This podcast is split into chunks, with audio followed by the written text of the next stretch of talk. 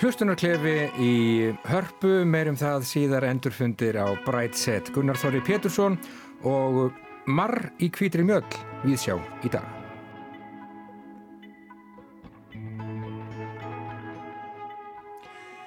Í Vísjáðu dag ætlum við að halda niður í hörpu inn í eitt fundarherbyggi þar en þar er Symfóni í hljómsveit Íslands búin að koma upp sérstökum hlustunarklefa á myrkum músikdóðum sem að nú standa í Reykjavík viðaðum borgina og meðal annars í hörpu.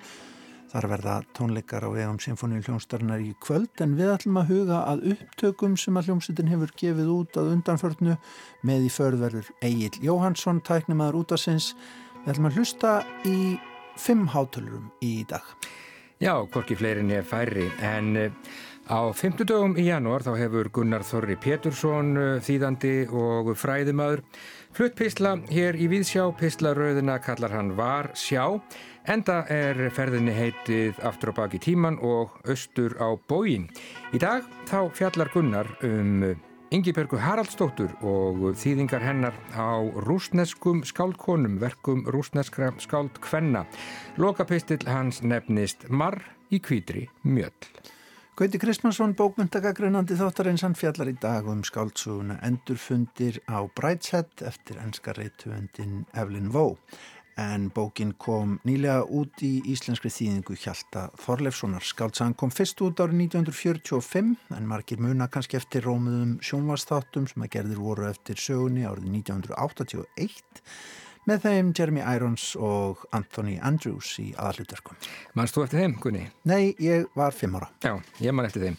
En við byrjum nákvæmlega þar á þessari frægu skáldsögu Brideshead Revisited endurfundir á Brideshead Gauti Krismansson tekur nú við. Hægt og hljótt læðast þýðingar öndvegisverka inn í íslenskar bókmyndir. Nokkrar á ári Þökk sé meðal annara þýðingasjóði sem nú er undir miðstöð íslenskara bókmenta en ekki síst bókmenta unnandi þýðendum og útgefendum sem báðir bera lítið úr bítum annað en heiðurinn og ánæginu af því að miðla bókmentum sem fram úr skara. Einn þessara bóka á síðasta ári er Endurfundur á Brætsett eftir Evelyn Bow, einn af starri bókum 20. aldar í breskum bókmentum og heimsbókmentunum yfirleitt. Hún kom út á tímamótum við stríðslokk 1945 og er uppgjörfið svo margt í breskri menningu og heimsveldi sjálft um leið. En hún horfur einni fram á við og margt í hetonískri hegðun luxustrengjana í Oxford minnir á kynnslóðir sem síðar komu og eru, umkomuleysan hálfkæring ungs fólks sem lítið hefur haft að foreldrin sínum að segja og meir af starfsfólki sem sér um uppeldið. Þannig er vinur sögumanns Sebastian Flight Aðalsmaður sem enn er með bánsansinn í Svefnherberginu í háskóla. Íðilfagur svallari, sjarmur og almennur gleðipinni, algjörlega frákvöru fóröldunum sínum en snýr sér alltaf að fóstru sinni þegar hann ennir heim í höllina sem þau auðvút á landi og skáltsagan draugun apsitt af. Sögumadurinn sjálfur er móðurlaus og fadur hans getur ekki beðið eftir að losna við hann úr húsi þegar hann kemur heim í leifum. Þetta er hrigaleg mynd af vanrækslu barna breskra yfirstjætta á fyrirlu 20. aldar. Maður fær á tilfinninguna að þessi börn hafa eiginlega aldrei talað við fóröldra sína frá því þau voru senda á heimavistaskóla, þangvöldi þau voru fullorðin og koma þurftið þeim fyrir í hjónabandi.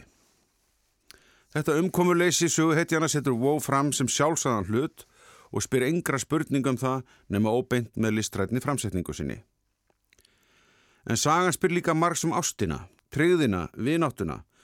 Homoerotíst samband Charles Reiters og Sebastians er augljóst. Þeir eru ekki samkynniðir, beinlínis, eða vil ekki vita það, en samband þeirra er ást. Kanski eitthvað í ættið ástina sem rættir í samdrykki Platóns, en höfundurinn hefur raunar skýring á þessu í gegnum hjákonu Marchmains lávarðar, föður Sebastians, þegar hún segi við Reiter, eftir að nefnt, væntum þykju hans á þeim fyrirnemda, til utan hefst. Þetta er eins konar ást sem þróast hjá börnum áður en þau skilja hvað hann þýðir. Þið englendingar kynnist henni þegar þið eru orðnir svo til fullorðnir. Það held ég að mér finnist ágætt. Það er betra að slíka ást beinist á öðrum strák heldur en stelpu. Tilvitnum líkur. Síðar tekur Charles saman við sýstu Sebastian, Júliu og fullkomnar þannig þrýhyrning sem sínir misefnaða ást borgarastjættarinnar á aðlinum ef við viljum takk gera hana. Því sannarlega þessi saga um stjættakerfið í breska heimsveldinu sem var við það liðast í sundur á millistrísárunum þótt að lafði ennum sinn uns nýlendurnar hörfu hver á fætur annari í kjálfar strísins. Stjættakerfið sjálft var hins vegar tekið að láta ásjá svo ummunaði og hafa margi gaggrinundur vós tólka söguna sem fortíða þrá yfirstjættarinnar. Þrá hennar eftir gömlu góðu tímunum endur speklist í eftir sjá sögumanns eftir því þjóðfélagi sem hann er að lýsa og má það kannski vel til sannsvega að færa. Þetta er þó ekki svona einfalt þegar öllur á botnin kvólt. Við getum íhugað örlög allra sem framkoma í sögunni, manngerðirnar og hugsanagangin og þá má vel sjá að minnst og kosti viðurkenningu á að þetta sé liðin tíð og fortíðathrána sem skýn í gegn má allt eins tólka sem eftir sjá að hafi ekki gert betur persónlega og kannski líka sem þáttakandur í samfélaginu. Lýsingin á því hvernig milli og yfirstjættadrengirnir fá nánast enginnisbúninga og kilfur hjá lauraglunni til að berja á verkvælsmönnum í allsherri verkvælinu 1926 dregur til dæmis enga fjöður yfir valdnýsluna gagvart verkafólkinu, þótt enga predikandi fordæmingu sé þar að finna. Annað megin þema bókarinnar er katólsk trú, en höfundurum var sjálfur trúskiptingur og er greinlega vinnur þeirri reynslu í bókinni og að sömuleiti má segja að ást hans á Sebastian og Júliu sé allt eins ást hans til katólskunar sem þróast í sögunni í gegnum samskipti hans við aðalsfjölskylduna. Það má margt segja um íhaldsemi kirkjunar og raunar hins breska aðals á þessu hnignunar tímabili. En samt er eins og hvort vekja opni augu hins hálfsofandi millistjættapilts fyrir nýjum vittum tilverunar, æskilegu með ekki, það gildir einu. Þetta rótar við honum og hugsanlega verður hann listamæður fyrir vikið. Það sem gefur þessari bók aukið gildi núna er svo insýn sem hún gefur okkur um hvernig hinn enska þjóðasál getur ekki horst í augu við endalók heimsveldis og stjættakerfis, bæði þá og nú Því margt í henni undarlegu orræðu sem enginnir Brexit verður einhvern veginn skiljanlegra við lestur þessara bókar. Þessi furðulega geta til að horfa beint á staðrendir og afneita þeim svo í nafni ensks ágetis af einhverju tægi. Það er mikil írón í því fólkin að helsti þjóðurnisinnin á þingi sem lístur í bókinni er Rex Mottram, kanadamadur sem sögumanni þykir einstaklega tómur og tækifyrir sinnaður. Það eru típurnar sem stökku á þjóðurnisvagnin þegar að kreppir. Þýðingin var í höndum Hjalta Þorleifssonar, ungstíðanda sem er sínist verið að skila sér frumrauninni með þessari bók. Mikil var gleði mín að sjá hversu vandunin þýðingin er. Orðfæri, setningabygging og annað er til fyrirmyndar. Það eru stöku töku þýðingar sem spyrja máum eins og meinsmann staða fyrir Life of Public Mischief en það er orðarleikur á ennsku og illviðránlegt í þýðingu og þetta er ekkert á tæplega 500 síðum af listrannum prósa skrifuðum að þroskaðri stílvitund sem þýðandi nærað halda svo vel utanum að maður verður að segja touché á köplum þegar bórið er sama við frumtekstan. Markmið þýðandans er greinilega að halda í setningabyggingu frumtekstans og nálgast hann eins og undir án þess að græta unnendur íslensk stíls. Þetta getur gengið afleitlega hjá mörgum byrjandanum sem ekki ræður við lengri málskrinnar og greinamerki eins og semikomur og stryk. Það kom að vísu fyrir að ég þurfti að lesa sem að lengstum málskarinnar aftur en oftast kom í ljós að þær gengu upp ef lesið var með nægilegri hægð. Vogaðasta dæmið er kannski þetta, tilvutun haust. Það er alþektur leindardómur þegar flesti nýríkir mennegi í hlut. Hvernig sem þeir unnu sér inn fyrstu tíu þúsund pundin? Það eru eiginlegarnir sem þeir síndu þá, áður en þeir eruðu yfirgangsekir. Þegar halda þurftu öllum mannum góðum þegar aðeins vonin bar þá uppi og þeir gáttu ekki ætlast til neins af heiminum nema þess sem þeir sjálfur gáttu töfrað fram, sem gera þá, haldið þeir velli, eftirsokna verða hjá kvennþjóðinni. Tilvittnum líkur. Vafalest hefði margur prófarkalesarinn haft eitthvað við þessa laungum málskræna aðtuga og kannski komið betri laust. En mér finnst þessi nálgun að halda þessum dampi frá refkvorfunum í upphafi yfir í nýríku mennina og fjárarbröðnar aðferði þeirra til þess að öðrast viðurkenningu kvennþjóðarinnar sem ekki aðeins góðir skaffarar, heldur líka sjarmurar, allt í einni málskrein, alveg gangu upp. En auðvitað verður að lesa hann á tvísvar. Engu tíma las ég þessa bók á frummálinu og mér rámar eitthvað í þættir með Jeremy Irons sem amma mín horfið á af mikill ákjæð en það hefur þessi horni stjættaheimur löngum hellað íslenska áhörfundur hvort sem þættirnir héttu Húsbændur og Hjú eða Downton Abbey.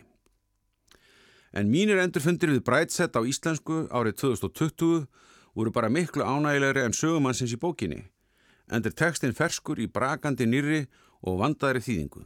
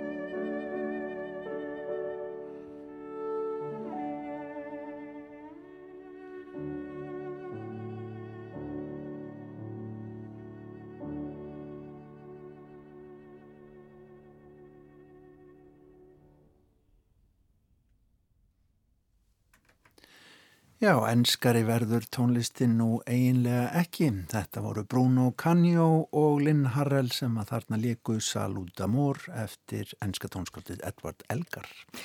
Já, ljómandi fallegt heldur betur, en já, ferskur teksti í brakandi nýri og vandaðari þýðingu, það sagði Gauti Krismansson um þessa frægu bók Brightset Revisited, endurfundir á Brightset. Eftir enska réttöfundin Evelyn Waugh sem kom út árið 1945 fyrst og já, kom nýlega út í, hjá bókafórlæginu Uglu í íslenskri þýðingu Hjalta Þorleifssonar og það er vel. En á 50 dögum í januar hefur Gunnar Þorri Pétursson þýðandi og fræðumæður flutt okkur pistla hér í Víðsjá. Pistlaröðina kallar hann Varsjá en það er ferðinni heitið Aftur á baki í tíman og bógin. Lokapistill Gunnars Þorra nefnist Marr í kvítri mjöll hlustið. Ég hefði vilja dvelja með þér í litlu þorpi, í eilífu rökkri, við eilífan bjöllu hljóm. Þannig hefst ljóð sem Marina Tsvetaeva orti til önnu Akhmatovu árið 1916. Þýðingin er eftir áslögu Agnustóttur og byrtist árið 1990 í nýstofnuðu tímariti sem nefndist Skí.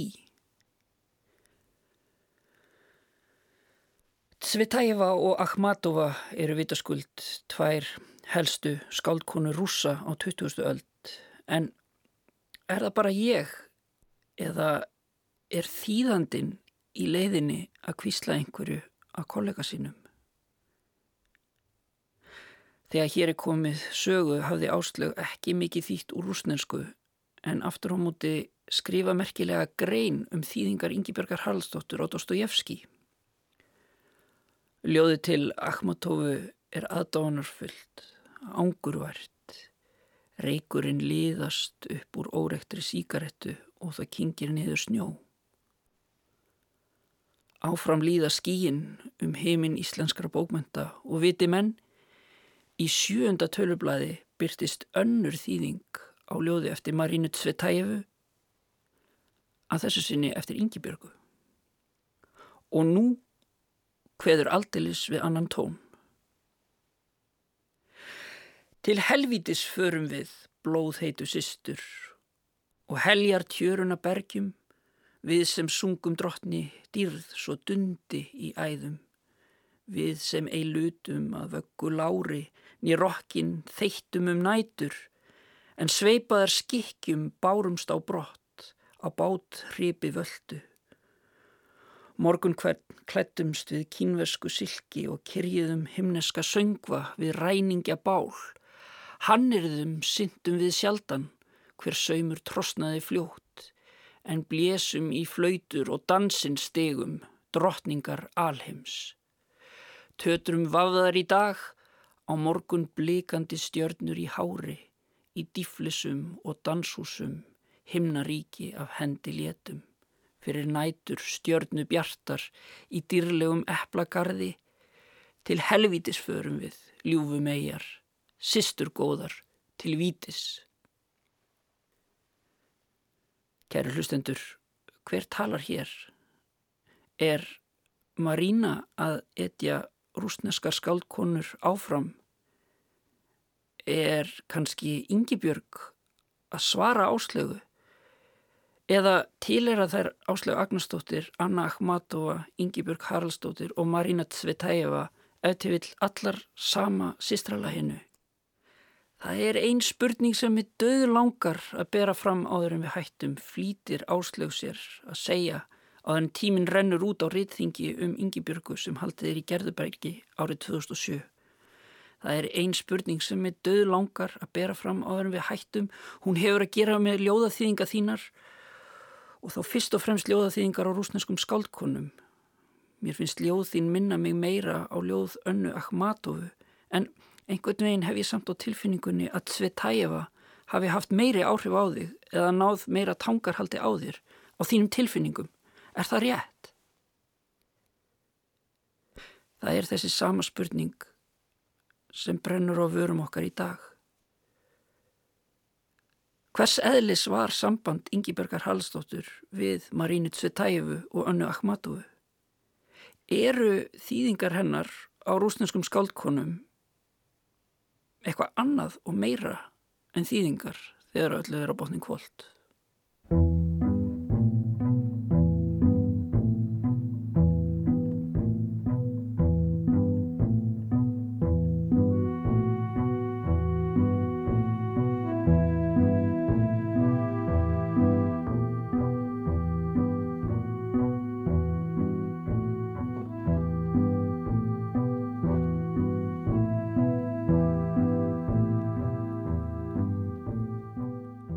Ég sakna ekki þess sem var.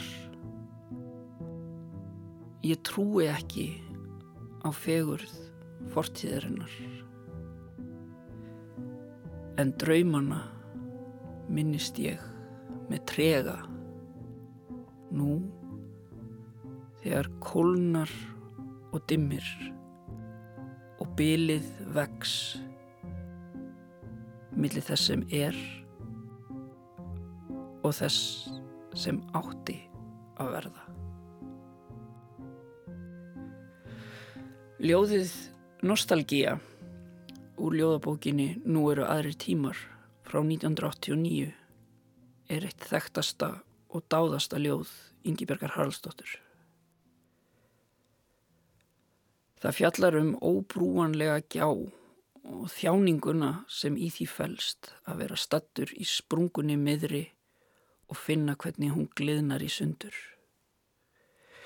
Jú, vissulega er ljóðið orrt í lok kaldastriðsins af sósélista sem fór til fyrirheitna landsins, Sovjetríkjana og gerði draum vinstrimannsins að veruleika með því að búa um árabil á kúpu en er í ljóðinu aftur fluttur til heimalandsins brotlend ef markam á æfisögu yngibjörgar í íslensku samfélagi sem er nýsmitað af nýfrjálsíkju síðkapitalismans. Og jújú, jú, vissulega má tengja ljóðið við hugmyndaströyma og borðið við feminisma eða þann postmodernisma sem varð undir lok nýjunda áratugurins að ríkjandi viðmiði í fræðilegri umræðu um bókmyndir á Íslandi. En þessa skýringar eiga ekkert í tókraftin sem sogar nýja og nýja lesendur að ljóðinu og gjáinn sem þar er líst er ekki hóla í veginum heldur heil djúb tilvistaleg sprunga sem liggur í gegnum alla ljóðlist Yngibjörgar á nýjönda áratögnum. Yngibjörg starfaði nánast alla tíð jafnliða sem skáld og þýðandi. Á samt þýðingum Guðbergs Bergsonar á Cervantes og Marquez má raunar segja að hún hafi með þýðingum sínum á Dostojevski og Bulgakov valdið sprengingu sem átt ekki aðeins eftir að hafa áhrif á þýðingar á heimsbókmyndum Hérlendis heldur einni á íslenskar fagurbókmyndir og fræðilega umræðum þær.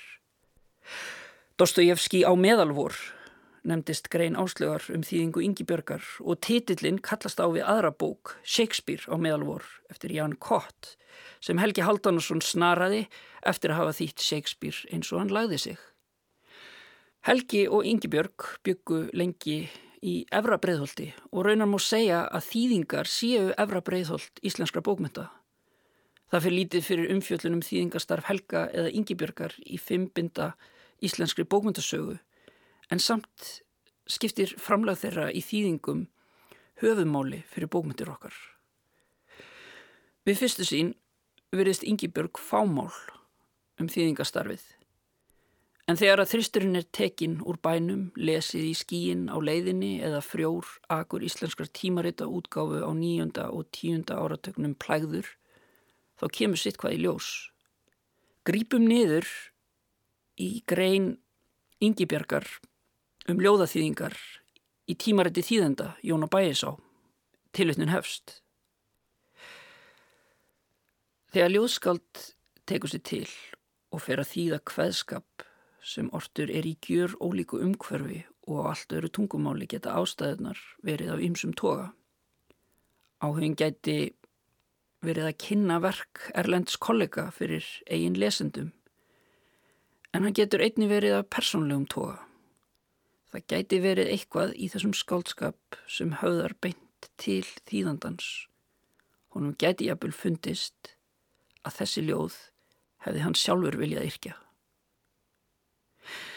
Ég ætla að ljóstra strax upp um ástæðunar fyrir því að ég fór að þýða Marínu Tsvetæfu. Mér fannst hún vera að yrkja til mín. Þessi ljóð hennar væru ætlið mér. Í fljótu bræði virtust við þó ekki eiga margt sameigilegt við Marína. Hún var fætt sama ár og amma mín. Dóttir hennar dóur hungri á barnaheimili. Egin maður hennar var pintaður og drepin í fangelsi Stalins og sjálf hengdi hún sig ári áður en ég fættist. Samt fannst mér hún vera yrkja til mín og þegar betur var að gáð áttum við auðvitað heilmast sammeilegt að breytu breytanda. Tilherum allavega sama kyni, gengdum þessum sömu hlutverkum, dóttir, ástkona, eiginkona, móðir og svo framvegs.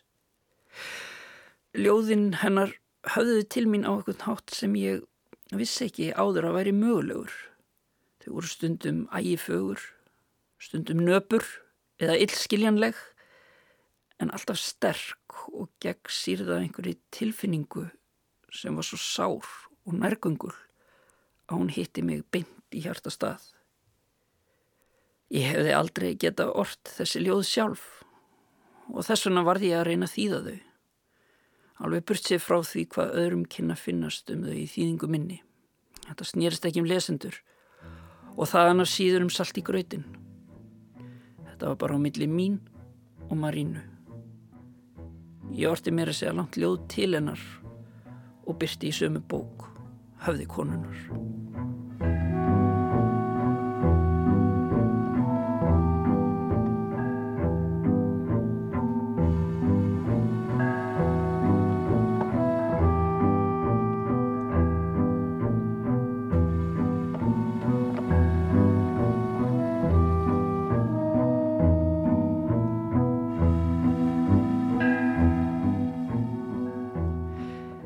Þegar maður les þessi orð, blasir við að rótækt endurmat þarf að fara fram á næst síðustu ljóðabók Ingibjörgar Höfði konunar frá 1995. Litið er á höfu konunar sem eitt af leikilverkum íslenskra nútíma ljóðagerðar í krafti frumsömdu ljóðana í bókinni. En í höfði konunar eru tvö heilakvel. Í öðru þeirra yrkir skáldið Ingi Björg en í hinu þýðir hún ljóðabolk annara skáldkonu, Marínu Tsvetæfu. Sá ljóðabolkur nefnist ljóðinum endalókin og er nánast jafn langur í blaðsíðum talin og frumort ljóð Ingi Björgar. Já, í höfði konunar eru tvö jafn stór heilakvel og þau eru tengt saman með brú, ljóði sem Ingi Björg yrkir til Marínu og er staðsett mitt á milli frumortu ljóðana og þýðingarinnar. Ljótsutæfu eru sannarlega illskiljanleg og jafnvel óþýðanleg eins og Yngibjörg bendir á. Og hvað varðar okkur um eitthvað sem er bara á milli Yngibjörgar og Marínu? Jú, vegna þess að það gæti verið eitthvað í þessum skáldskap, skrifar Yngibjörg, sem höfðar beint til þýðandans. Honum gæti jafnvel fundist að þessi ljóð hefði hann sjálfur vilja yrkja. Með öðrum orðum, þetta er ekki persónlegt vegna þess að það sé engamál Yngibjörgar, heldur vegna þess að það varðar einstaklingsbunna fagurfræði hennar. Birna Bjarnadóttir greinir einstaklingsbunna fagurfræði Guðbergs Bergsonar í doktorsvitger sinni, holdið heimur andan og aðkallandi er að skoða fagurfræði Yngibjörgar og Guðbergs út frá þýðingastarfið þeirra. Að samaskapi er skaðin skeður þegar að heila kvelin tvö eru klófin í sundur eins og gert er í ljóðasafni Yngibjörgar frá 2009 þar sem ljóðið um endalókin eftir Svetæjefu er tekið úr höfði konunar og haft aftast í bókinni á samt úrvali annara ljóðaþýðinga eftir Yngibjörgu. Þar likur einni ljóðabolkurinn Sálumessa eftir Önnu Akhmatovu eins og hvert annar ráfiði.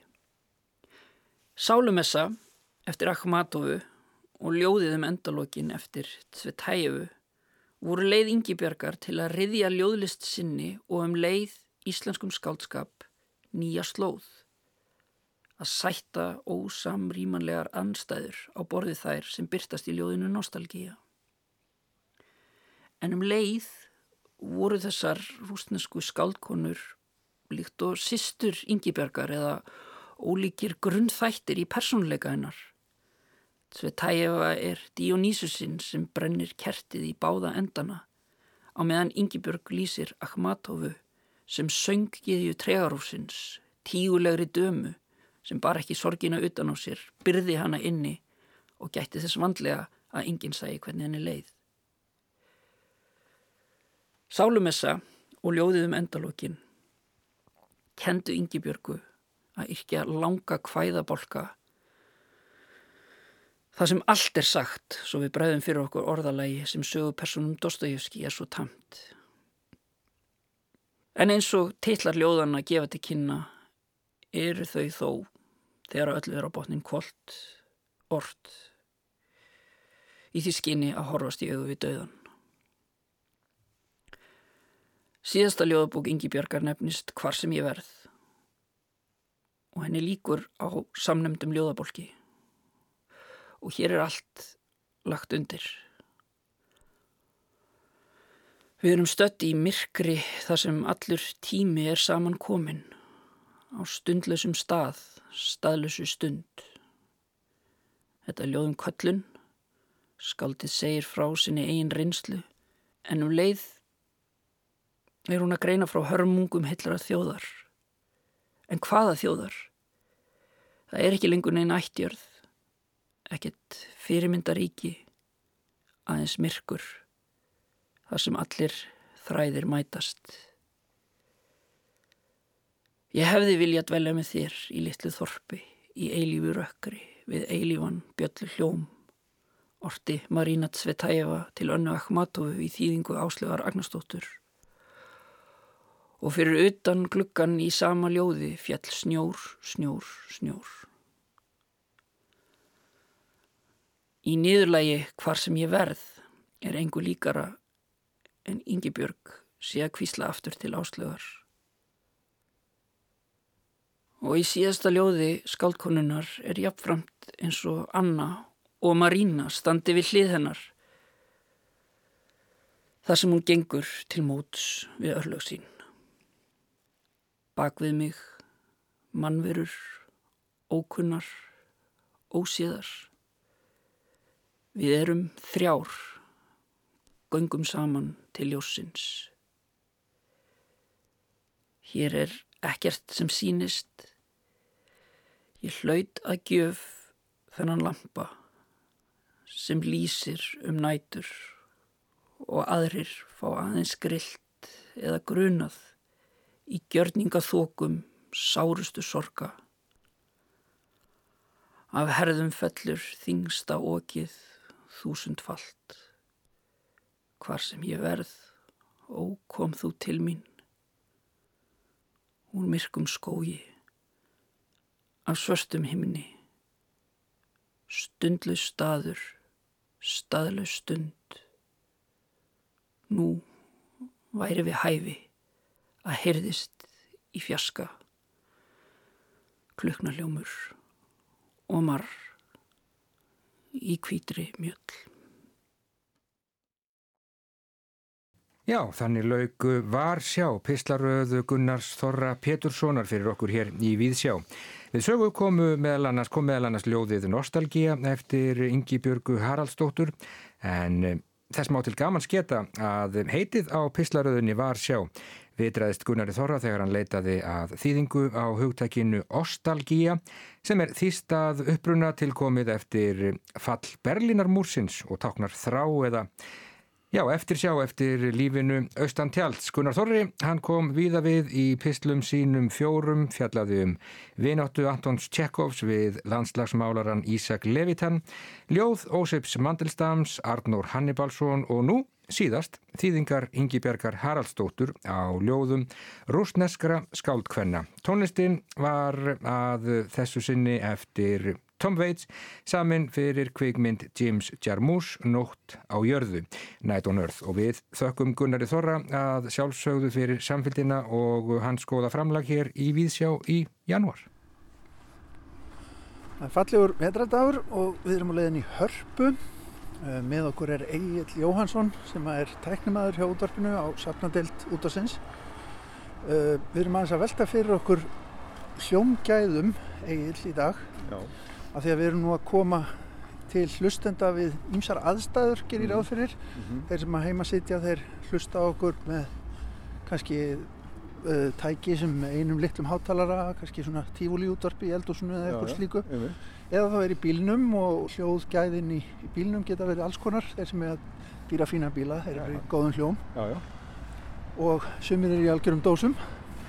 Við erum með stereomikrofón þannig að og við erum við bestu mögulegu upptökuðastæður Já, við erum úti í goða verðinu á Íslandi. Og í lokni að vetri til. En við erum á leiðin í Hörpu þar sem er búið að setja upp hlustunarklefa Symfónihljónstar Íslands. Uh, eh, Symfónihljónstin er að kynna nýjar upptökur sem hún hefur gert með fyrirtækinu Sono Luminous. Upptökur sem eru gerðar þannig að hljónsutin situr í hring í kringum hljónstastjóran Við ætlum að frá hlusta eins og ræða eins kannski hljómgæði Já, ég er mjög spenntur að heyra þetta. Einhvern tíman vorum við einmitt að hugsa úti í þetta með surroundið hérna alveg í upphafi, upp í útdarfi og sett upp hátalarstæða inn í, í leik, leiklistastúdíónu og mikla pælingar í gangi og í framhald að því spunnust alls konar sögur frá útlöndum þar sem við höfum farið í heimsókn og, og skoðað hvað hinn mestu nördar á suðinu voru að pæla Já. og nú kemur við vörubíl til þess Þetta er alvöru. Já. Þetta er flottasta hljóð sem við getum fengið sko, það er erfitt að búa þetta til Já. heima hjá sér í eldhúsinu.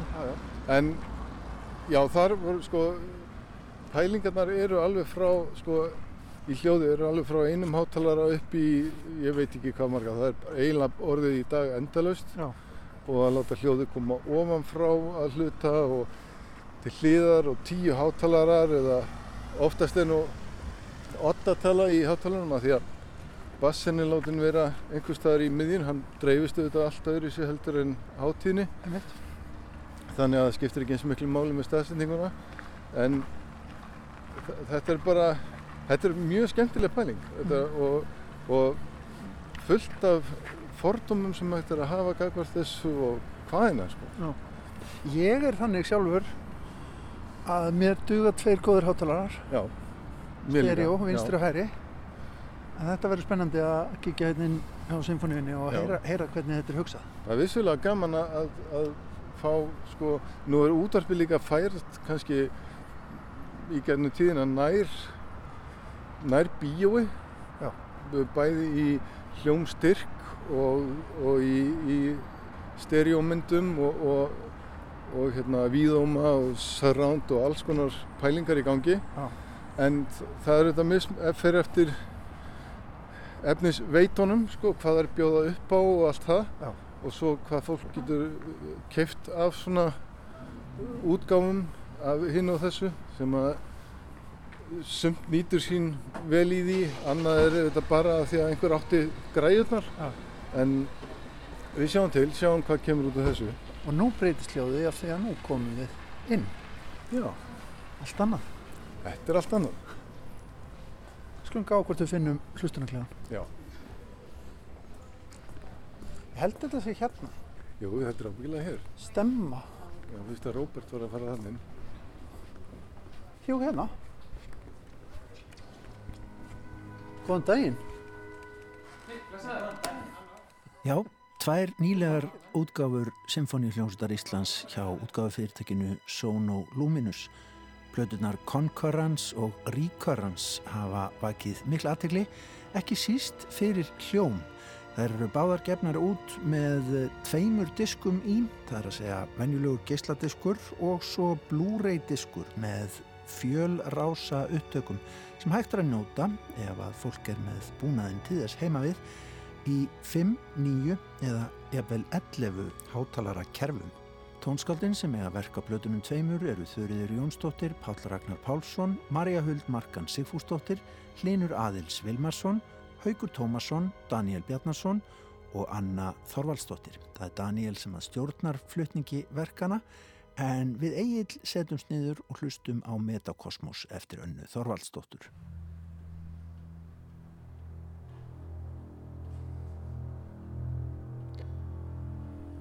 Ég ætla að byrja að hljóma hérna verk eftir önnu Þorvaldsdóttur sem heitir Metakosmos. Þetta náttúrulega skila sér ekki heim til hlustenda eins og við heyrum það í okkar eirum hér. En hér eru uppsettir fimm hátalarar og bassahátalari líka til aðauki. Svona hvernig finnst þér þessu upplifun að sitja hérna inn í þessu rými? Svona eftir að hafa vanist rýminu í smá stund þá það sem ég tók eftir því að sko fagmennskan á bakvið upptökuna er alveg í toppi sko. Það er mikill metnaður uh, og þannig að, að þó maður sé að upplifa einhverja svona soundpælingu þá gleymur maður sér og fer að hlusta á músíkina. Á músikina. Já, og þá, hérna, það er svona, finnst mér merkið um það, það er eitthvað að virka. Í sjálfu sér erum við auðvitað ekki í optimal hlustunar aðstæðum eh, frekar en annar staðar. Uh, og, en þetta er mjög skemmtilegt að upplifa hljómsveitina svona umvefja sig. Það er mjög flott. maður heyrir það greinilega að þetta er tekið upp í svona ring þessar plötur sem að hljómsveitin hefur gefið út hún er sko það er í ýmsu formati það fer eftir hvað tæki maður er með heima hvað maður getur notið upptökunar í til dæmis mörgum hátölurum Já, allt upp í sko, hvað var það, 11 hátalara held ég. Þetta, já, alveg upp í Dolby hérna pælinguna. Já. Hérna, ég, já, ég er alltaf svolítið, svolítið skeptískur þegar kemur að þessu. Já. Talað um að þú veist að fara inn í hljómsveitina með, með einhverju svona stereo eða surround pælingar þannig að mann er líðið eins og maður sé inn í hljómsveitina að hlusta. Það, veist, það eru auðvitað ekki tónleika upplifun. Þú ert ekki að hlusta á hljóðfæri nema þú ert auðvitað að fá nýja upplifun af því að hlusta á, þú ert nær hljómsda stjóranum eða jafnvel tónskáldinu og þetta er mjög skemmtilegt, þetta er ofsalega flott. Þetta eru frekar viltar aðstæðu til þess að tala saman við ef við ekki að færa þetta eins fram á gang. Ég löpum bara fram.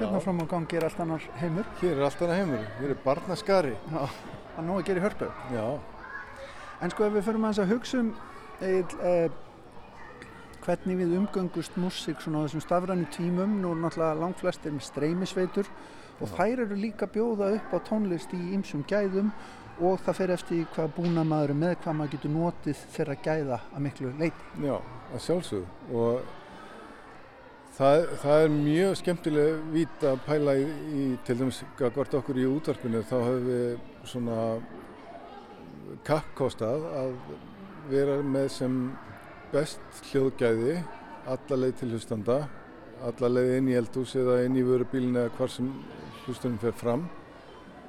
Og við erum auðvitað bundin við stereosignalið hjá útvarpinu við erum að senda út til dæmis í hljóð á mynd er yfirleitt þjöppuð er þjappa hljóð sko og auðvitað fólk er ofbúslega mikið í að miklu leiti að hlusta á MP3 þjöppun af ymsu tægi eins og á flestum þessu streyminsveitum svo eru hínar sem eru Adiak og, og, og fleiri svona Tætal og hvað það heitir. Já, tætal og hvað þetta allt heitir sem er að bjóða upp á meiri, meiri hérna, gæði uh, sem að gefa fólki auðvitað upplefanir sem eru alveg ný vítmiða við hvað fólk er vant að hlusta á, á Spotify. Mm Það bætist við rýmistilfinningin, það bætist við uh, öll, Dýnamík og, og þú veist, svo á fólk fólk á heima hjá sér þetta sétjadiska sem eru þú veist, teknir upp í, í, í mjög fínum gæðum og fólk hlustar á þá uh, með einhverjum, gefur sér einhverja forsendur þegar hlustar á það. Uh, það að geta hlaupið til í Spotify og sótt bara hvaða verk sem er nánast inn í, í samtali og, og komið með hljóðtæmi um hvað maður að reyna að skýra málsitt með því. En þegar maður ætlar að setja svo niður og hlusta þá, þá kemur að svona sko þá er maður komin aðeins nær þessum hljóðnördum sem er um allan heim og sita í stúdíum og er að skrua saman fyrir okkur einhvers konar tónlist, tónlistar upplifun og hljóðu upplifanir sem eru veist, að mörgu engu líkar sko.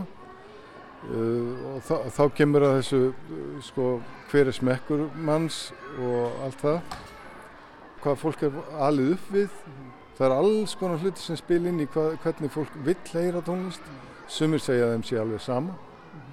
En, en við í okkar starfi getum ekki tekið það sem viðmið að þá séum við eitthvað að sleppa fyrir hotn þannig að við verðum alltaf að reyna að koma okkar já, vera samkvæmið sjálfum okkar í, í raunni hvað var það, hvaða skrefi stígu næst í, í hljómgæðum sko.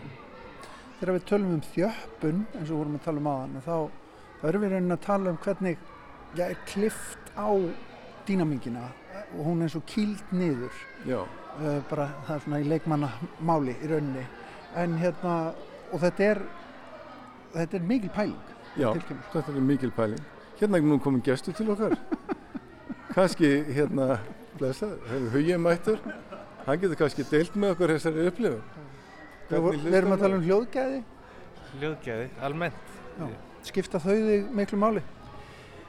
Já, voruð að hlusta í, í, á, á Við vorum að koma úr klefanum. Já, ég er nú, er nú eftir að upplifa þetta, en ég, ég já, sljó, já, það er hægt að segja en maður sé svona svolítið verandi vinna, vinna með þennan mi- hljóðmiðil, þá hefur maður rosa gaman að heyra, heyra músík í góðum hljóm sem er sjálfgeft á þessum MP3 snjálfsíma tímum. Þjöppuðu þjöppuðu tímum, við lifum á þjöppuðum tímum. Já, það er alltaf segja. Við erum aðeins að ræða hvað hva maður á að ganga langt í þessu en auðvitað þegar kemur að hljómi þá kannski skipta kannski já, það sem er á endunum mestu máli, góðir hátalarar og góður Já. magnari. Já, og þá, þá kemur líka, þú veist, út frá þessu sem við vorum að tala um aðan, einmitt með þjöppunina, að þú ert með, eh, þú, þú skerð burtu dýnamík sem er það sem við upplifum þegar við vorum á leiðninga, þegar við vorum út á götu, allt í hennu kemur bara steipubíl og keirir framhjá og þá færðu þessa upplifun inn í, inn í líkamann sko,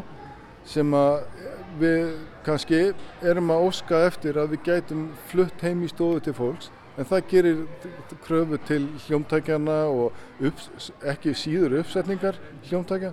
Þannig að fólk er kannski með heldra sem er handónunda græjur en, en kannski er einhver hátalari bak við sófa og það er allt í tómu ruggli heima hjá fólki eðlilega.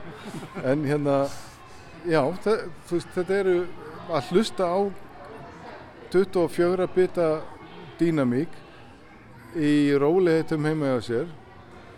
Hvaða músík sem er, það skiptir ekki máli hvort það er jazz eða pop eða eða klassík eða, eða nútíma tónlist, ráftónlist eða hvað það er, allt þetta sko er miklu starra og betra í góðum hljómgæðum og allir ættu að í raun og vera að geta komið sér upp fyrir á þess að setja sig á hausinn tækjum sem að geta borið veist, allavega veist, töluverða góða, góð gæfi í eirun á þeim sko.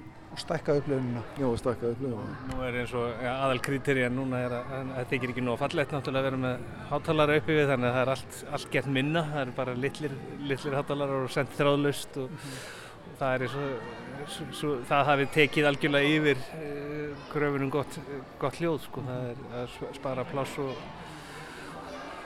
og já, þetta sjónræna sem man kannski þykir ekki fínt lengur að vera með góða græður í stofunni. En það, fólk setur ekki fyrir sig að vera með 49 tómu sjónvastæki inn í stofu þessu til að sjá stjórnuna sem að, já, Og hlusta svo í vondum gæðum. Já, jável, þú veist, ég var nú að fykta heima hjá mér og, og, og tók gamlan radiofón og, og skipti út hátalunum sem voru inn í honum frá, frá 71 sennilega og setti aktífa mónitora inn, sem, litla sem pössuði okkur inn í bóksið og öll sko jáfnvel fréttir hljóma betur þannig maður verður allur jákvæðari sko. Betri frétti. Já. Og vonandi betri fyrir. og það er þetta að fá þetta er svona eins og soundbar sem að þú veist, er framleitt af alvöru hljómtækja framleiðendum þú veist, það er viðræðanlegt að kaupa svoleiðis Þú veist, þetta hangir undir 100 áskallinu kannski en þú veist, í staðin færðu þú veist, þegar það eru tónleikar og svoleiðis í sjónvarpinu eða flottar bíómyndir þá, þá er, veist, verður allt miklu áþreifanlegra af því að stundum er hljóðið sko meiri hlutin af upplifunni í bíói til dæmis. Og miklu nær kannski um, þessu, þessari klassísku symfónísku tónlist en fólk hugsaður út í kannski. Auðvitað er, þú veist, það eru hljómsveitar upptökur í bíói sem að eru næst því að vera þetta sem að við vorum að hlusta á í klefanum af því að þar er, þar er hljómsveitinni stilt upp ekki fyrir áhörundur í sal heldur þar er verið að stilla því upp til að ná í einhver áhrif og veist, þetta er önnur upplifun en að vera á tónleikum Aðeins er sér.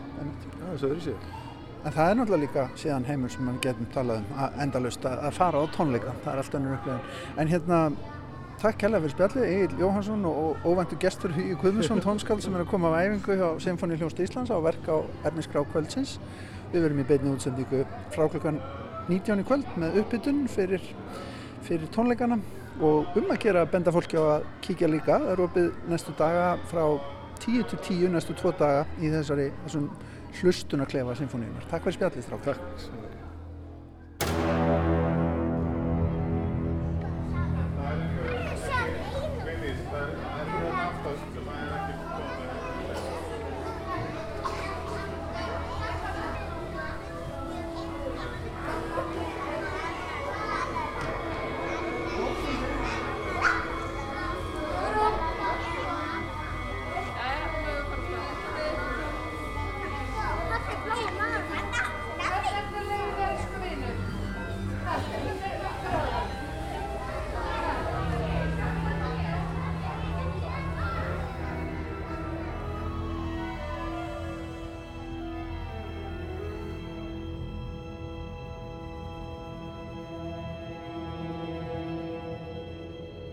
Já, ágætu hlustundur, blessuð börnin, já ykkar kannski einhverjar sem er að leggja vel hlustir út í bæ í hörpu í dag og blessa fólki sem að passa börnin á leikskólum borgarinnar. Þarna í bland við tónlist Metakosmos eftir önnu Þorvaldsdóttur, verk sem að uppaflega var pantað af Fílharmoníusveitinni í New York, takk fyrir. Við fórum þarna í svona hlustunarferð með Agli Jóhansinni, tæknimanni og þökkum honum kærlega fyrir samfélgina fyrir dag. Já, ljómandi skemmtilegt og uh, einhvern veginn svona ætlum við að ljúka þættinum í dag. Verðum mér aftur hvað á þriðu dag? Já, verið sæl. Takk fyrir samfélgina, verið sæl.